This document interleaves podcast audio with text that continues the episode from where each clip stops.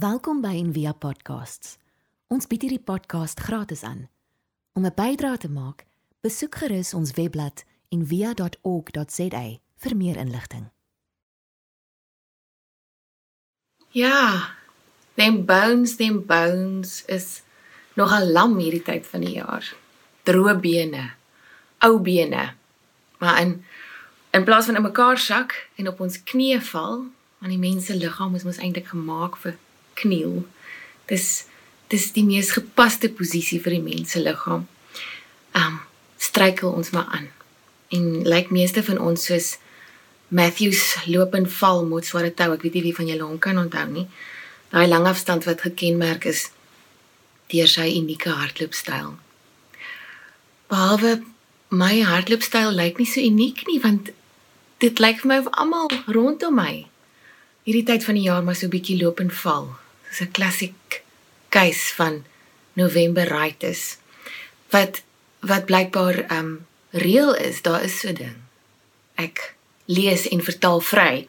Novemberitis is 'n periodieke kondisie veroorsaak deur 'n jaarlange aaneenhoudende opbou as gevolg van 'n ononderbroke patroon van fisiese en of emosionele arbeid.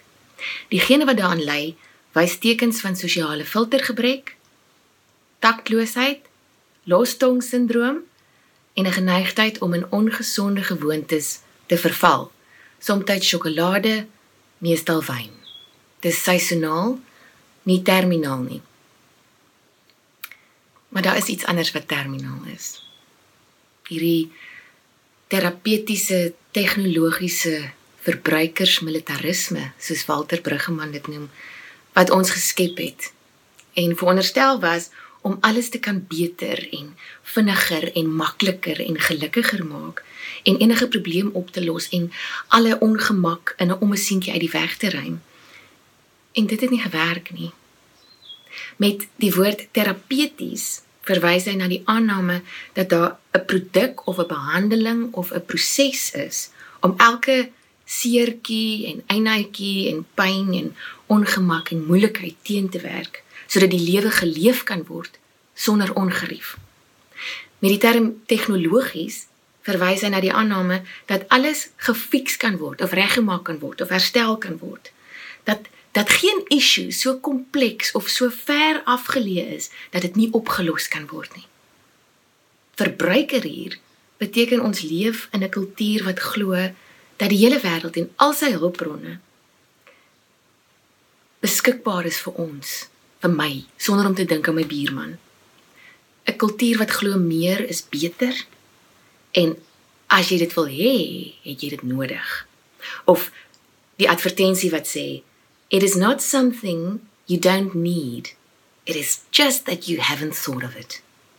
En Bruggeman sluit af die militarisme wat ons samelewing infiltreer en wat ons nou meer as ooit sien bestaan om hierdie stelsel te beskerm en in stand te hou en om alles te waarborg wat nodig is vir terapeutiese tegnologiese verbruikerisme.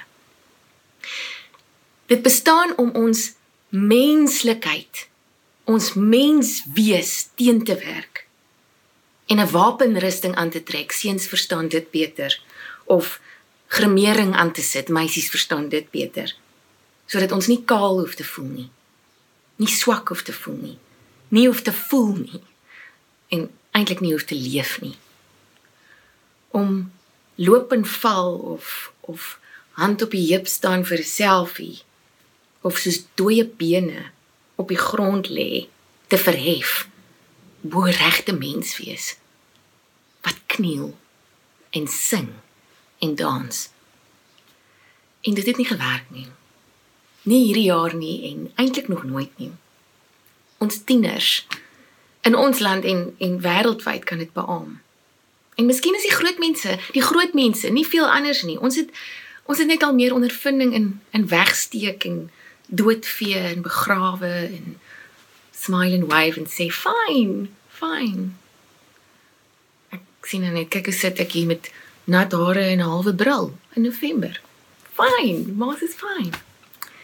So ons skrifgedeelte is 'n baie lewendige verbeeldingryke profesie, eintlik 'n visioen oor uiters dooie dinge in Esegiel 37. Hoekom hierdie skrifgedeelte hierdie tyd van die jaar? Miskien moes dit op Halloween gebeur het. Dit klink soos 'n scene uit 'n uit 'n zombie movie. 'n Klomp dorbene lê in 'n laagte. Geraamtes. Dit's klaar met hulle. Maar bene vertel stories altyd. En stories gaan aan. En God praat met sy profeet. Hy noem hom mensekind. Dis vir my die volmaakte woord om om my te laat voel soos wie ek regtig is, mensekind. En hy vra hom of hy dink hierdie bene kan weer lewendig word. En dis seker November wanneer die profeet antwoord net u sal weet Here en ek imagine hy gee so vet oogrol na die kant toe. Regtig, bene weer lewendig word. Maar dis 'n visie. Dis 'n visioen. So bly by. En God sê vir hom: "Mensekind, hierdie bene is die hele huis van Israel. Kyk, hulle sê ons bene is verdor en ons verwagtinge is verlore. Dis klaar met ons. Klink of dit nou kon gebeur het. En toe lê God seënings en vlees op hierdie dorpbene en trek vir hulle velle oor. En toe staan 'n beroering, nie 'n beroerte nie, 'n beroering. En die bene het nader gekom, elke been na sy been. Maar daar was nog geen gees in hulle nie. Hulle kon nog net loop en val. En toe blaas God sy gees in hulle en hulle word lewendig en staan saam op en staan saam soos 'n onsaglike groot army. Toe ek my pa vra of hy dalk onlangs gepreek het oor die Segiel 37 om bietjie tips te vang, sê hy, "Them bones, them bones." Maar vir 'n tyd soos hierdie, so voel ek, het ons 'n bietjie profetiese verbeeldingskrag nodig. Ons het profete nodig wat 'n ander wêreldorde verkondig. En die guts het om uit te roep dat die een wat ons geskep het, doodmaak. Nie lewe gee nie. En ons het verbeelding nodig want God het dit vir ons gegee as geskenk om om om nuwe dinge in die werklikheid so tot stand te bring. En ons het krag nodig. Nie die wapen soort nie, nie die magtige soort nie, die diep innerlike soort. Ons het die gees nodig om lewe in ons te blaas. Want van geld en grond en goed alleen sal ons omkom. Het ons omgekom. Ons is gemaak van stof en asem, gees. Ons kan nie leef in die een riem, in die stofriem sonder om asem te haal in die ander nie. Want dis een. Dis een. Ons kan nie ons hele lewe leef op sosiale media, die vals riem. Waar as dit nie gepost is nie, het dit mos nie gebeur nie. En leef vir mense se likes en views en vals aanvaarding of die gebrek daaraan, want dis twee kante van dieselfde munt. As ons nie daagliks gevul word met die gees, met die asem van die ware riem nie. Ek lees nou eendag iemand skryf op netwerk 24 se kommentaar. Ja, ek weet moenie die kommentaar lees nie. Na 'n berig van nog 'n pragtige jong tienermeisie wat haar lewe geneem het. Die persoon skryf mense is hartseer. Mense was nog nooit so hartseer nie. Daar is meer gesing en gedans tydens die Tweede Wêreldoorlog as nou. Sing en dans was nog altyd 'n kragtige vorm van van lewe om lewe uit te druk in al sy forme. Die vreugde en die pyn kan so lyf kry, beliggaam word, geuiter word. En nou kan ons nie saam sing nie want spoeg. En ons kan nie saam dans nie want sweet. En ons kan nie gesien en gehoor word nie want masker. Ek was ook voor ek 'n tannie was, 'n tiener. En al word ek 40, was ek ook eens 14 en 15 en toe deur die genade alleen kon ek ook 16 word. 22 November vandag sou elke jaar sedert 1997 al vir my 'n spesiale betekenis inhou. Dis die dag wat ek vir die eerste keer erken het dat ek nie op my eie kan nie. Ek vergeet of ontken dit meestal die ander 364 dae van die jaar nog steeds, maar dit was die dag wat ek opgeneem is vir depressie en eenvoudig nie verder kan nie. 'n Dag voor my eindeksamen van van daai jaar sou begin. Opgeneem in die hospitaal. En ek het gedink maar dis mos vir siek mense. En behandel is vir iets wat ek glad nie verstaan het nie. Net ervaar, nie kon verduidelik nie. Die dag wat hierdie dorbene soos 'n sak patats deur haar pa opgetel is en soos 'n lijk in die kar gelê het, die 6 ure op pad Kaap toe.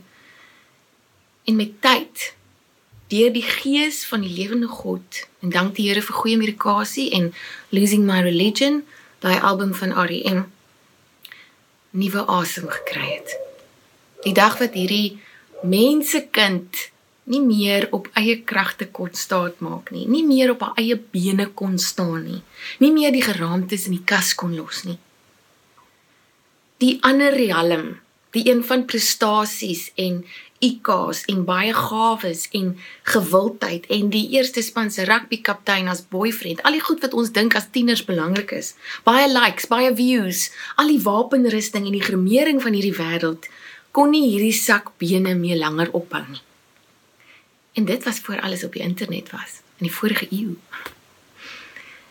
Sedert daai paar maande is elke oggend wat ek wakker word en kan hoor en sien en soms selfs kan uitsien vir my 'n wonderwerk. 'n Wonder wat ek self nie kon uitdink of komponeer nie. Ek weet hoe dit voel om 'n bondel dor bene te wees en ek weet hoe dit voel om asem ingegee te word en terug in die lewe geblaas te word. En ek wil eintlik net dit vandag vir jou sê.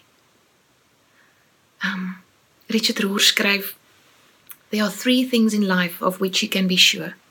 That God loves you unconditionally. That suffering will come and that in the midst of your suffering a hand will reach towards you seeking to pull you to the side of joy once more. That God loves you unconditionally. That suffering will come and that in the midst of your suffering a hand will reach towards you, seeking to pull you to the side of joy once more. En dit klink soos hierdie zombie profesie wat ons gelees het se begin. Die hand van die Here was op my en hy het my uitgebring deur die gees van die Here en my neergesit in die laagte en dit was vol bene to be continued. En dis natuurlik die groot juk. Nie die juk nie, die juk die groot teleurstelling van die lewe in en saam met Christus. Ons kan op 'n manier nog klein kry dat God ons onvoorwaardelik liefhet. Al is dit reeds 'n groot pil om te sluk vir meeste van ons. Maar ons wil nie hoor dat ons ook gaan swaar kry en klippe kou nie. Is dit dan nie hoekom ek 'n Christen geword het nie, hoor ek? Die gospel en en goeie brandversekering vir hiernamaals. Dis hoekom baie mense ingekoop het in hierdie ding. So meeste van ons loop en val en koes weg vir die swaar kry. Koes koes so deur die laagte. Ons sal trouens eerder dood wees as om te beleef wat ons voel. Want hoekom pyn? Hoekom lyding?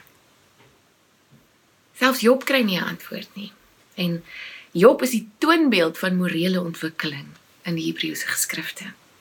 Hy is dieselfde storie as Jesus.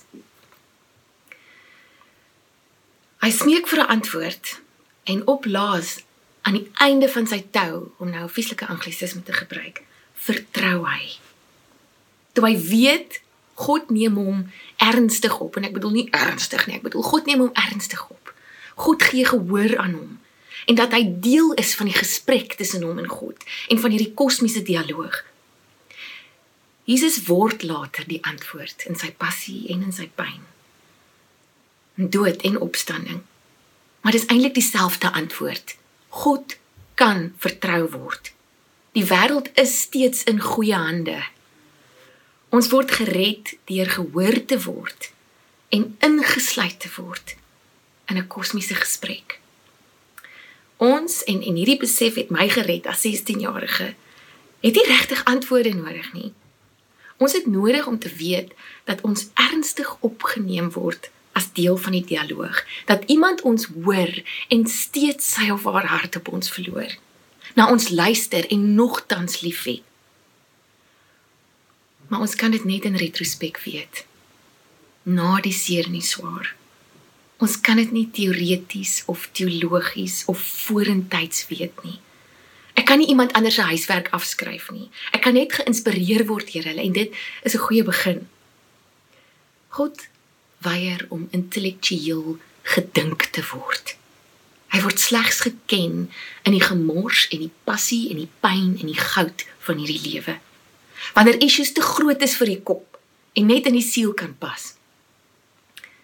Daar word vertel dat St Catherine van Genoa vir Jesus gevra het: "Hoekom, Here, is daar so baie pyn op aarde?" En Jesus het geantwoord: "Catherine, as daar enige ander manier was, sou ek al lankal daaraan gedink het." Dit lyk of daar geen ander manier is om ons van ons skanse, ons wapenrusting teen mekaar um te ontbloot nie geen ander manier is om ons van medelee te leer nie. Ons sal nie beheer oorgee tot ons na die grense van ons eie hulpeloosheid en van ons eie hulpbronne gelei word en op mekaar moet staat maak nie. Die woorde wat gesê is vir Sint Franciscus van Assisi bly my altyd by. Iemand het gesê, "He had seen too much beauty. He hurt when others hurt." A terrible beauty as dan nou ooit 'n paradoks was wat te groot is vir ons kop en net in die siel pas. En ons God is so The enfleshment and suffering of Jesus is saying that God is not apart from the trials of humanity. God is not aloof. God is not a mere spectator. God is not merely tolerating or even healing all human suffering. Rather, God is participating with us in all of it, the good and the bad. Abraham Heschel, die rabbi sê, die God van Aristoteles is die onbeweeglike beweger, die unmoved mover.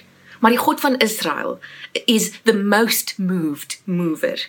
'n God wat deur sterk emosies geraak word, 'n God wat liefhet, wat diep deernis vir ons het, wat kwaad word vir ongeregtigheid, wat teleurgestel word deur 'n gebrek aan lojaliteit.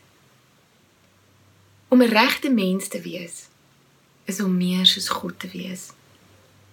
En minder soos 'n hoop bene. 'n Hoop bene wat miskien beweeg, maar dis 'n masjien. Om in God se beeld geskep te wees om 'n regte mens te wees is om in staat te wees om blydskap en pyn te voel, liefde en verlies, triomf en teleurstelling. Dit beteken jy's braaf genoeg om jou wapenrusting af te haal en jouself kwesbaar te maak vir al daai gevoelens, vir al daai ervarings, ook vir skuld en skaamte as jy iets verkeerd gedoen het.